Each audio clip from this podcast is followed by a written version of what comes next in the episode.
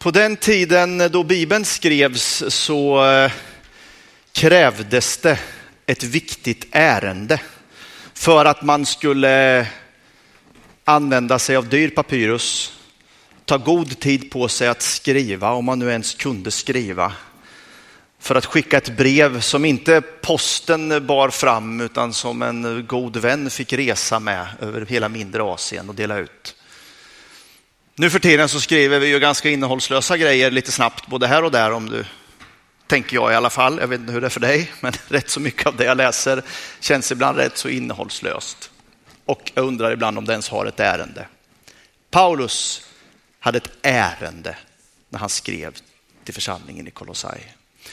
Det har han i alla sina brev. Överallt så kan, han, eh, liksom, kan man detektera vad det är som brinner i hans hjärta. Till Galaterna så handlar det om att de judaiserar den kristna tron. Till Korintierna så handlar det om omoral, men det handlar också om överandlighet i en jobbig sörja. I romarbrevet så vill han helt enkelt bara presentera sig vem han är, hans teologi och hans ideologi och, och så vidare och så vidare. Ärendet i Kolosserbrevet är lite lurigare. Det är inte så tydligt. Eh, och teologer har eh, brottats med den där frågan. Varför skriver Paulus? Han adresserar lite hit och dit, eh, både lite judiska seder och bruk, men mest verkar det som om han vänder sig mot hedniskt inflytande över den kristna tron. Eh, andra religioners inverkan. I antiken vid den här tiden så var synkretism, alltså någon sorts religionssammanblandning väldigt, väldigt populärt. Man hade monotism, man trodde på en gud, men det, vet, det fanns andar och makter och saker som liksom influerade människornas liv. Så fort någonting hände så var det någon makt som hade varit där och, och liksom gjort någonting. Um, och man kan höra på Paulus språk att, att det är det här som är hans ärende. Eh, att liksom stå fast och stadigt rotad i Kristus och att det är bara hos Kristus som makten finns. Eh, att ni inte behöver leta i allt det där andra. Eh, han uppmanar dem att inte ta hänsyn till nymånar eller eh, särskilda tider eller stunder eller matregler eller asketism, att späka sin kropp. För väldigt mycket av den falska andligheten vill binda dig. Den vill få dig och mig att känna att ansvaret är vårat. Vi måste be på rätt sätt, vi måste blidka gudarna, vi måste rensa rent våra hus, vi måste möblera rätt, vi måste äta rätt saker, vi måste, vi måste, vi måste, vi måste, vi måste och så krymps vi som människor. Så har falsk andlighet alltid, i alla tider, lurat människor. Som institutet ger regelbundet ut en undersökning om människan, om svenskens vanor och ovanor och värderingar och sådana där saker. Mycket, mycket intressant läsning varje gång den där eh, undersökningen dyker upp. Och 2023 så lag man in en, en det har man ofta en, en, en stort block i den där undersökningen som handlar om svenskars förhållande till religiös tro. Man kallade för undersökningen för det okända. 4 600 slumpvart utvalda personer ingick i undersökningen och man fick svara på frågan om man trodde på någon av följande paranormala förmågor. Tror ni att människor kan förutspå framtiden genom tarotkort, runor eller liknande hjälpmedel? Tror ni att det finns personer som kan samtala med döda människor? Tror ni att man kan eh, förutspå en persons framtid genom att tolka stjärnors rörelser med horoskop exempelvis? Tror ni att man kan minnas tidigare liv? Tror ni att man kan överföra energier från sina händer för att bota sjukdomar? Eller uppfatta saker genom ett sjätte sinne som de andra sinnena inte kan?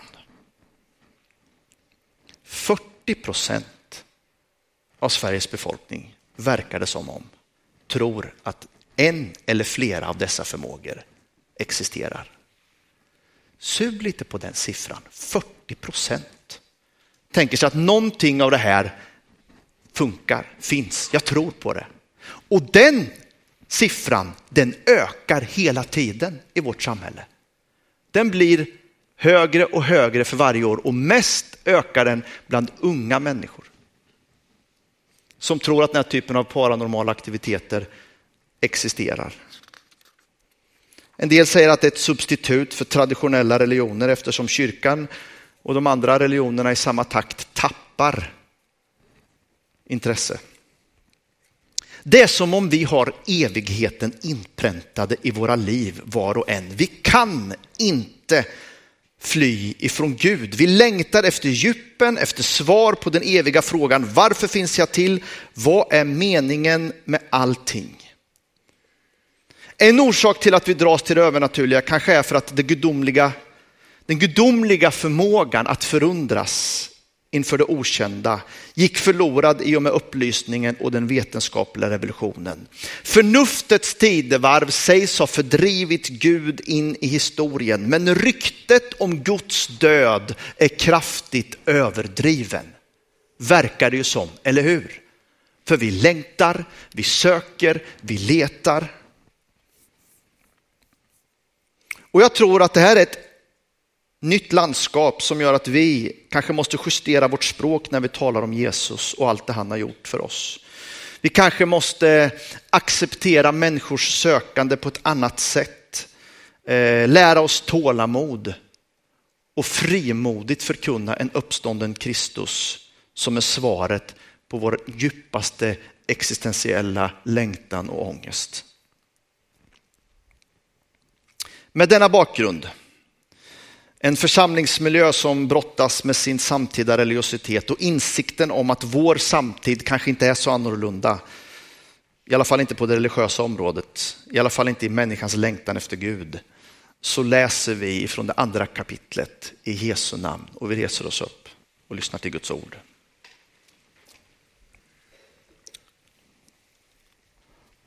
Jag vill att ni ska veta, skriver Paulus, hur jag kämpar för er och för dem i Laodikeia och för alla som inte har träffat mig personligen.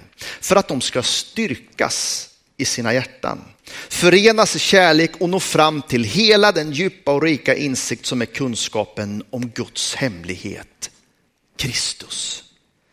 I honom finns visheten och kunskapens alla skatter gömda. Detta säger jag för att ingen ska kunna övertala er under falska förespeglingar. Ty även om jag kroppsligen är frånvarande så är jag hos er i anden och glädjer mig när jag ser era goda ordning och fastheten i er tro på Kristus. Ni har lärt känna Herren Kristus Jesus. Lev då i honom med rot och grund i honom. Allt fastare i den tro som ni har undervisats i och låt er tacksamhet överflöda. Låt ingen göra er till fångar i de tomma och bedrägliga vishetsläror som bygger på mänskliga traditioner och kosmiska makter och inte på Kristus.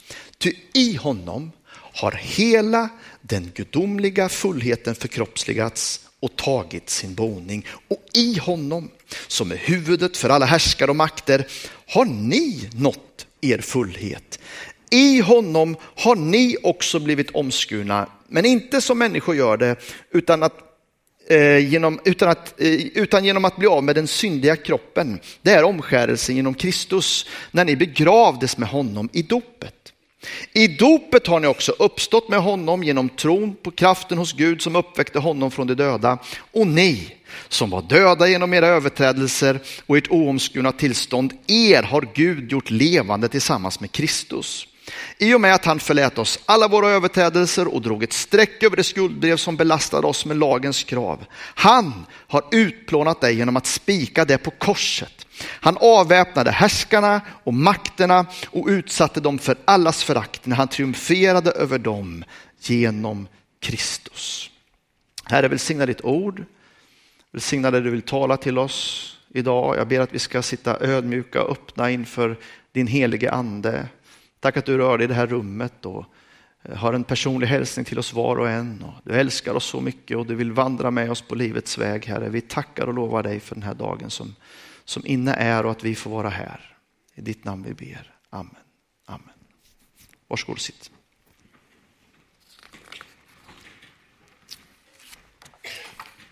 Först skulle jag vilja reflektera lite tillsammans med dig om uttrycket Guds hemlighet. I slutet på det första kapitlet så skriver Paulus några mycket, mycket vackra rader. Lyssna på det här. Detta är den hemlighet som varit fördold i alla tider och släktled, men nu har uppenbarats för hans heliga. Gud ville låta dem veta vilken härlig skatt hedningarna har i denna hemlighet. Kristus finns hos er, hoppet om härligheten. Det här är ett av Paulus alla kryggman, hans eh, uttalade, proklamerade liksom trossatser. Han återkommer ofta till att det finns en hemlighet som Gud har hållit bevarad genom seklerna. Eh, men nu är den hemligheten uppenbarad i enlighet med Guds vilja och hans plan.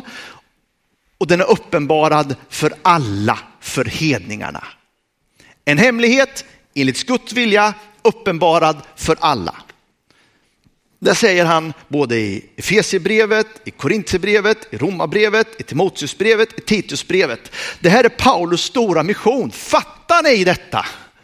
Gud som har haft sitt folk i sin hand i alla tider. Löftet till det judiska folket, det står kvar. Men nu bjuder Gud in hela mänskligheten i detta löfte. Det är en hemlighet som har varit fördold i alla tider, men nu, pow, nu är det uppenbart för alla. Varmt välkommen. Nu skulle jag vilja uppehålla mig lite vid uttrycket hemlighet. I falsk religion, oavsett hur den är förklädd, det kan också vara kristendom, så används det uttrycket som en fälla. Det finns gudomliga hemligheter som bara vissa kan förstå. Det är så en guru blir till. Man har förstått lite mer. Eller en farlig karismatisk ledare, man står lite närmare Gud. Gud har uppenbarat sina hemligheter för mig och de ska jag uppenbara för dig. Ganska ofta kostar det mycket pengar. Det är en förledd åhörarskara vars längtan leder fel. Det här är också Paulus kritik gentemot religiositeten i Kolosse. Låt er inte berövas segern av dem som hänger sig åt självförnekelse, ängladyrkan och som fördjupar sig i sina syner. De blåser upp sig med sina fåfänga människotankar. För Paulus är den hemlighet som Gud har haft i alla tider, den är nu uppenbarad. Han förkunnar den, men han uppenbarar den inte. Ser ni skillnaden? Han är ingen guru som har speciell kunskap som han förmedlar. Han, evangeliet är öppet och fritt för alla. Han bara predikar och förkunnar det Gud redan har uppenbarat. Gud vill förbarma sig över alla och överallt. Du har fritt tillträde till Guds ord. Om vi förstod vilken revolution det var när Luther kunde skriva en bibel på tyska, på folkspråket och han skrev så det skvätte om det. Han skrev så att bönderna förstod. Han gick ut och lyssnade på hur det lät när fiskarna samtalade, hur det lät när bönderna samtalade. Det språket använde han för att folk skulle begripa. Och tyckpressarna de gick så det rök om det, trots att det var förbjudet, trots att man riskerade fängelse och så fick vi Guds ord tillgängligt för oss var och en. Med risk för att förlora mitt eget jobb, men du behöver inte mig. Du behöver bara Guds ord. Läs, det står där. Guds hemlighet är uppenbarad för dig. Ta del av den.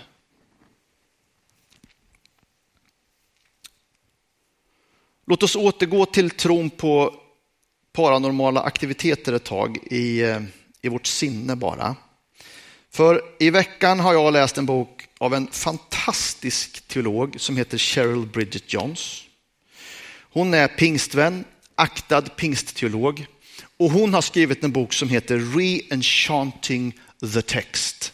Är du bara det minsta intresserad av teologi, pingstteologi i synnerhet, då måste du läsa den här boken.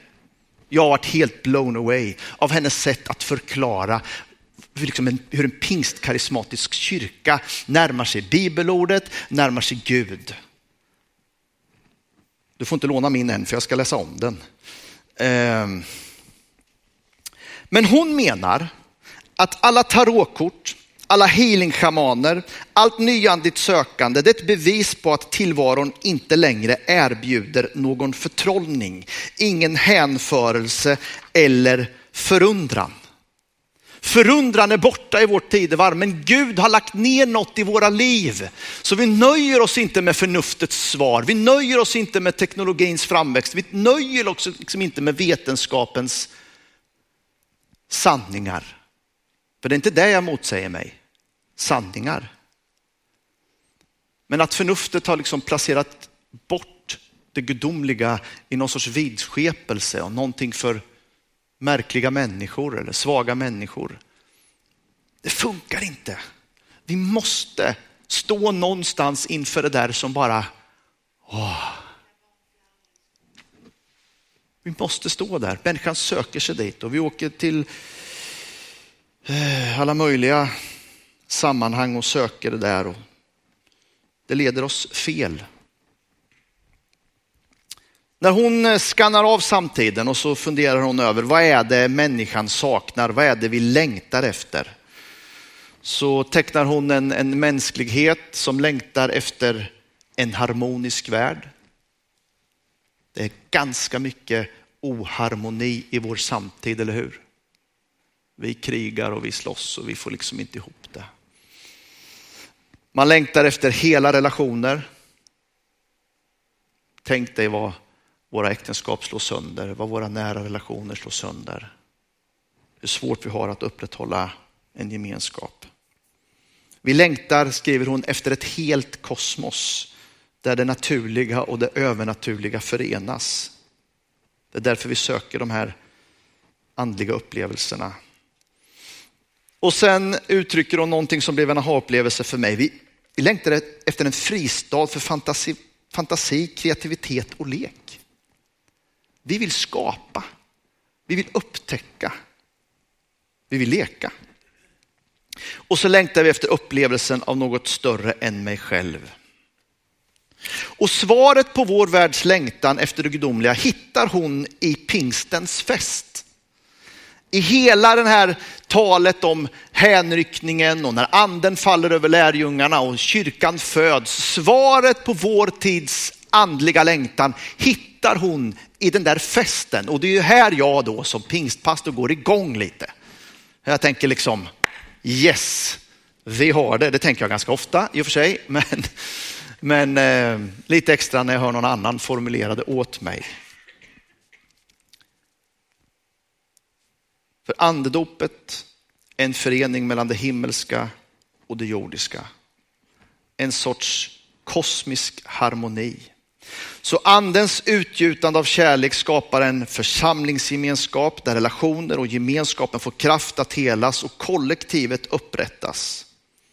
Och Petrus ser nya saker när han förkunnar på pingstens dag i texten, eller hur? Han ser Kristus i frälsningshistorien. Han ser Jesus i hela den judiska berättelsen och helt plötsligt så har anden upplyst honom. Han har drabbats av någon sorts gudomlig inlevelseförmåga och fantasi och han ser nya saker i texten. Därför att anden leder honom och han förundras. Tungotal, du kan klicka vidare här. En harmonisk värld är vad vi längtar efter och en övernaturlig kärlek är vad pingstens fest erbjuder. Hela kärleksfulla relationer är vad vi längtar efter och församlingsgemenskapen är det som pingstens fest erbjuder. Vi längtar efter ett helt kosmos och när anden faller över lärjungarna så är det som om himmel och jord förenas. Vi längtar efter kreativitet, fantasi och lek och tungotalet, profetian och glädjen spränger gränserna för mänsklig existens. Helt plötsligt öppnas en ny dimension. Till och med språket som är så viktigt för oss, det där liksom lägger Gud åt sidan och så säger han, här är jag i er mitt. Du kan tala änglars språk. Jag vet, det är inte förnuftigt. Det är inte det jag säger idag. Det är någonting annat. Det är Guds närvaro in i mänsklig existens som hjälper oss att uppfatta någonting annat och profetian och glädjen. Glädjen hörni. Jag undrar om inte vi skulle bli lite bättre på att glädja oss. Jag har haft förmånen att resa runt en hel del i världen och fira gudstjänst. Mest i pingstkyrkor. Och jag vet inte vad det är, men om det så är i Los Angeles absolut allra fattigaste kvarter, där kriminaliteten och drogerna och prostitutionen är liksom det man kämpar kring dagligtvis. Och så går jag in i kyrkan så möts jag av en sån gudomlig glädje. Eller om jag går in i en liten liksom, hydda i Afrika där jag vet att det är fattigt och eländigt och maten finns knappt på bordet. Men när jag går in och firar gudstjänst med mina kära pingstvänner där nere så är de ju sju resor gladare än vad jag är. Som har allting serverat. Jag är ju lite dragen åt det melankoliska, det är ju vi här i norr alltså. Jag tycker om Lars Winnerbäck, alltså jag, jag gillar liksom när någon sätter ord på mörkret. Jag, jag är... Det finns ju någonting i oss nordbor som är lite frostigt, det får vi ju ändå säga. Eh, men det är också så att vi är pingstens folk och vi borde kunna glädjas lite mer.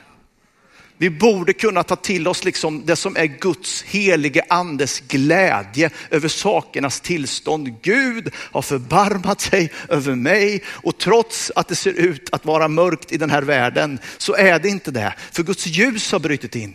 Han har planterat en glädje i mitt hjärta och jag kan till och med dansa. Jag vet det är jättesvårt att dansa. Men, men vi borde, nej, ja, då ska vi dansa i grupp i sånt fall. Jag dansar inte själv. Men det borde vara lite mer glatt när vi möts. Vi borde återta det språket på något sätt. Kom helig ande, vår samtid behöver dig. Jag behöver dig. Jag behöver förundras. Jag behöver få möta den levande guden, känslan av den andre. Jag tror på en Gud kan man säga. Jag tror på någonting. Herre, var det där någonting i människors liv, i mitt liv? Så, i honom. I honom är ett, ett uttryck som Paulus använder i den här texten sex gånger. I honom, i honom, i honom. Det är som att han vill placera dem, han vill samla dem. Han ser deras lyssna blickar på det där andra, på det där som verkar funka för dem och för allt det där. Iaktta de här reglerna, lev på det där sättet och så säger nej, i honom. Han liksom för dem tillbaks hela tiden. Du ska leva i honom. Lyssna noga igen från vers 6 och 7 så här har Paulus en fyrfaldig formula för hur ett liv i Kristus ska vara i några versar. Ni har lärt känna Herren Jesus Kristus, säger han. Lev då i honom med rot och grund i honom. Allt fastare i den tro som ni har undervisats i och låt er tacksamhet överflöda. Ha dina rötter i Kristus. Det är det första Paulus försöker säga. Ha dina djupaste rötter i Kristus. Och ni vet när, när Hesekiel får den här synen om den dubbla strömmen som flyter fram ur templet, som hela pingstvärlden har liksom tagit till sig och sett att det är en bild på vad den helige ande gör i Guds folk. Det måste vara det. Läs i sekel 47, det är en underbar, en underbar beskrivning av vad anden kan betyda. Liv och överflöd och allt det där. Och hän, liksom, man förlorar kontrollen. Ja, ni kan läsa det själva det är en bild, men, men det, är eh, en, det är en stark bild på vad den heliga ande är för någonting i våra liv. Och på ett ställe så, så ser Sekel följande, att längst med floden, utmed dess båda stränder, ska alla slags fruktträd växa. Deras blad ska inte vissna, deras frukt aldrig ta slut och varje månad bär de ny frukt, ty de får sitt vatten från helgedomen. Deras frukt ska ge föda och deras blad läkedom. Ha dina rötter i Kristus och det kommer komma god frukt ur ditt liv. Hur i all sin dar har man sina rötter i Kristus? Vad är det för ett bildspråk? Ja, gå till kyrkan. Läs Guds ord. Sucka till Herren nu och då. Skapa goda rutiner i ditt liv för, för andligt liv. Och så kommer du att gräva dina fötter och rötter, rötter menar jag, inte fötter, allt djupare i den myllan som är Guds liv för dig och mig. Helt plötsligt så blir liksom intresset för det där andra och för vad, i honom. I honom har ni allting, säger Paulus. Så har dina rötter i Kristus. Den andra bilden han använder i den här texten är att bygga.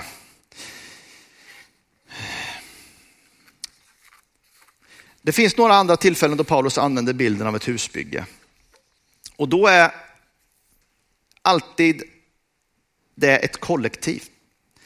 I första Korinthierbrevet 3 och 9 så säger han, vi är Guds medhjälpare och ni är Guds åker, Guds bygge. Att fundera över hur jag bygger. Bygg ditt liv på Kristus. Ha rötterna i honom men också som en byggmästare. Jag har berättat det här några gånger till tror jag, men det är ju risken när ja, ni har en gammal pastor, han har varit här i 12 år, så ni kommer få höra berättelserna om och om igen. Det är bara så det funkar. Jag byggde om där hemma en gång i tiden, mitt allra första tillbygge. Det var i Trollhättan. Eh, och då lärde jag mig en sak. Jag skulle bygga ett litet burspråk. Så. Och då är det väldigt viktigt med vinklarna, så att det blir liksom korrekt. Och när jag la de där lekastenarna och göt den där grunden så vart det lite snett. Och jag tänkte så här, det fixar sig med tiden. Det kan, det kan man ju liksom, det kan man ju måla över sen eller något, eller det sätter man väl, det löser vi. Men du vet den där lilla sniskan, den följde med hela tillbygget. Det gick inte att komma undan det. Och varje frukost när jag satt och tittade på de där tre fönstren som var i burspråket så såg jag att de två högersta var lite närmare än de andra och jag störde ihjäl mig på det där.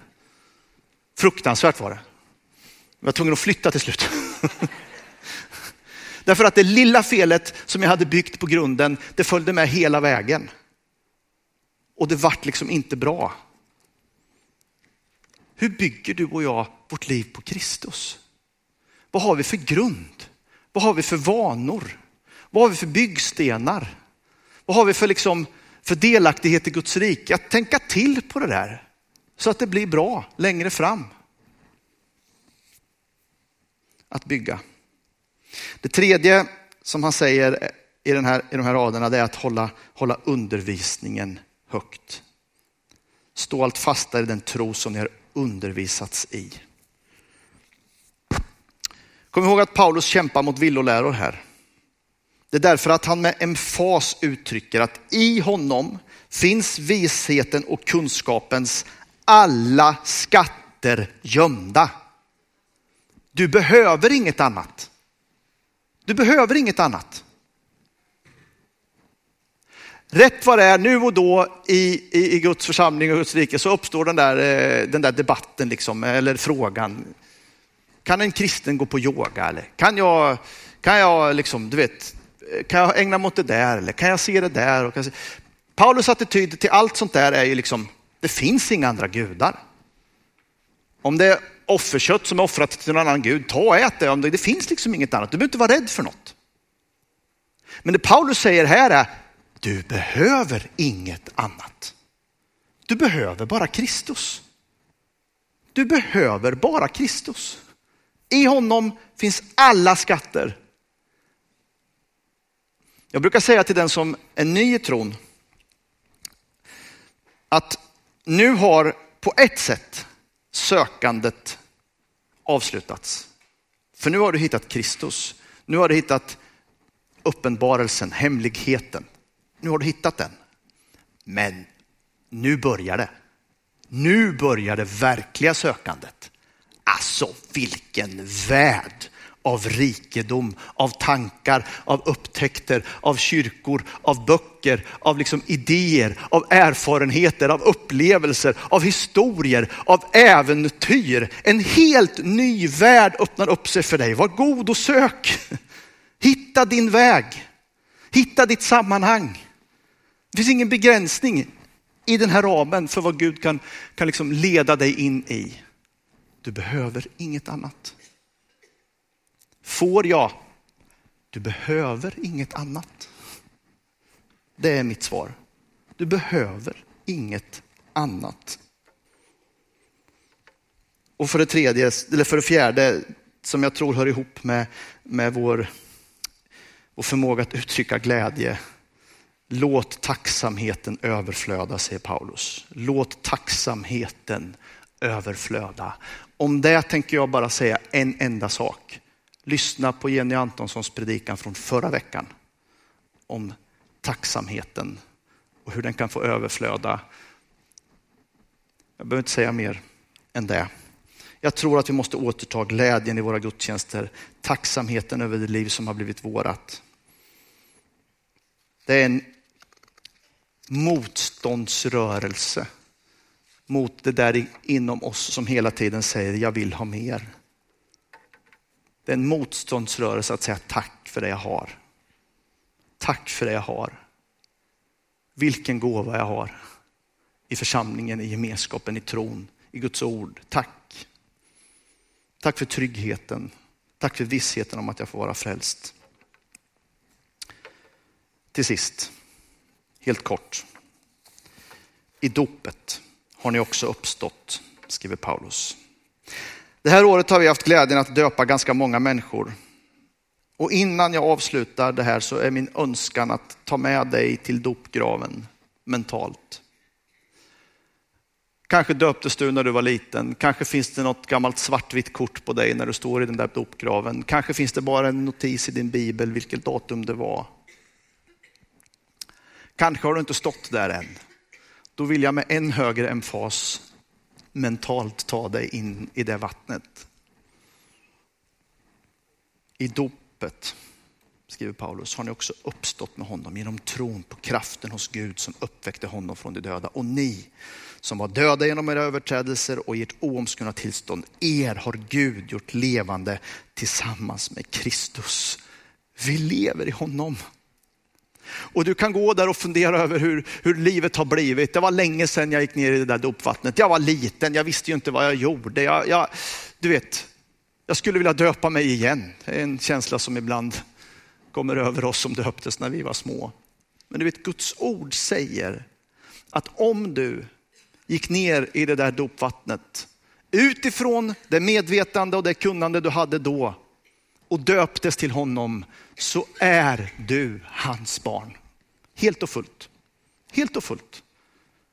Du är hans. Hans dyrbara ägodel. Han har satt sitt sigill på dig.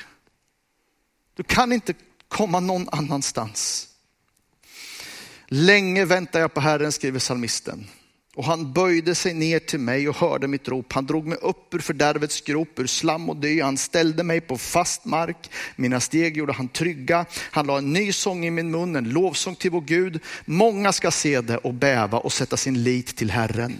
När Paulus undervisar om dopet i Romarbrevet 6 så säger han, när han dog så dog han bort från synden en gång för alla. När han nu lever så lever han för Gud. Så ska också ni se på er själva. I Kristus Jesus är döda för synden, men lever för Gud. Jag vet inte hur du ser på dig själv. Själv är jag ganska duktig på att se mina egna brister, mina egna felsteg, min egen oförmåga. Allt det där som jag vet inte leder mig på rätt väg. Det tittar jag på och ältar hela tiden. Paulus säger till de kristna, titta på er själva när ni står i den där dopgraven. Så ska ni se på er själva. Jesus Kristus har förlåtit dig din synd. Han har tagit dig, han har satt dig på fast mark. Och du vet, det får Gud göra med mig varje morgon. Lyfta mig upp, sätta mig på fast mark. Och så får jag komma till honom och så lyfter han mig upp och sätter mig på fast mark.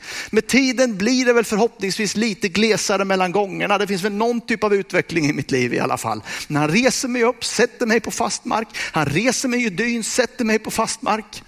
Gång efter gång efter gång. Så ska du se på dig själv. Du har allting i Kristus. Du har fått allting i Kristus. Du behöver inte söka någonting annat. Allting finns här. Du kan förundras inför verkligheten att Gud existerar. Han kan bryta in i ditt liv med nya tungor, med nytt, ny möjlighet att profetera, att vinna över ondska, att se Guds rike bryta in i den här världen. All falsk andlighet, om den så kommer förklädd i kristen skrud, binder och tvingar. Lev rätt, be rätt, ät rätt. Kanske kan du då blidka Gud eller komma till insikt. Nå lite längre. All falsk religion lägger kravet på dig. Dina tekniker, din förmåga. Evangeliet lägger allt ansvar på Kristus. Det är han som har spikat upp våra synder på korset. Allt vi gör är att ta emot det där i tro. Vi behöver inte ens veta, bara hoppas och sätta vår tilltro till Gud, det okända. Så lockas vi in i en gudomlig värld av förundran då himmel möter jord och våra relationer helas i det som uttrycks i en församlingsgemenskap. Varmt välkommen in i den dansen. Vi reser oss upp i kyrkan. Herre, vi tackar dig att du har talat till oss, att du har gett oss ditt ord, att du har gett oss förmågan att förundras, att du har gett oss glädjen, att du har gett oss helighet, att du har gett oss allt vi behöver för att leva våra liv. Oavsett om vi är rika, förmögna, fattiga eller liksom lever helt på livets skuggsida så är du där med din fullhet. Och du möter med oss, Herre Jesus Kristus. Allt vi behöver för vår inre människa, det hittar vi i dig, Herre Jesus Kristus. Så jag tackar dig för det. Jag tackar dig för det, Herre Jesus Kristus. Jag ber att du ska hjälpa oss att söka djupen hos dig, Sö, liksom, sätta våra rötter djupare ner i dig. Att vi ska få hämta mer näring ifrån ditt ord, ifrån gemenskapen, Herre Jesus Kristus och leva allt fastare i den tro som du har gett oss, Herre. Tack för att du är här i detta rum. I Jesu namn vi ber. Amen, amen, amen. Nu ska vi be tillsammans. Vi avslutar alltid våra gudstjänster så. Förebedjarna är redo för att betjäna dig. Och eh, i det här rummet vet ju jag om att här finns allt. Här finns högt, här finns lågt, här finns längtan, här finns förundran, här finns frågor, här finns sjukdom, här finns allt. Kallelse, vad ska jag göra med mitt liv? alla de där stora frågorna. Vi vill hjälpa dig i förbön. Vi vill hjälpa dig genom att lägga en hand på din axel, fråga dig hur det är och be för dig och be att Gud ska bryta in i ditt liv så att du också får förundras över hans närvaro i ditt liv. Varmt välkomna i Jesu namn. Tack för att du har lyssnat på undervisning från oss i Malmö Pingstförsamling. Så roligt att du tog del av det här. Om du blev berörd på något sätt eller om du fick några tankar eller funderingar eller om du tog emot Jesus så vill vi jättegärna höra från dig. Du kan nå oss via vår hemsida europaporten.com. Där finns kontaktuppgifter till alla våra pastorer, anställda och andra ledare. Du kan också nå oss via sociala medier. På Facebook heter vi Malmö Pingstförsamling. På Instagram heter vi Malmö Pingst. Har du något du vill att vi hjälper till att be för så kan du mejla oss på forbon europaporten.com. Då når du vårt förbundsteam direkt. Tack än en gång att du lyssnade. Hoppas att vi ses framöver på gudstjänst 10.30 på söndagar eller på någon av våra andra samlingar. Känn dig varmt välkommen. Ha det så bra så länge och Gud välsigne dig.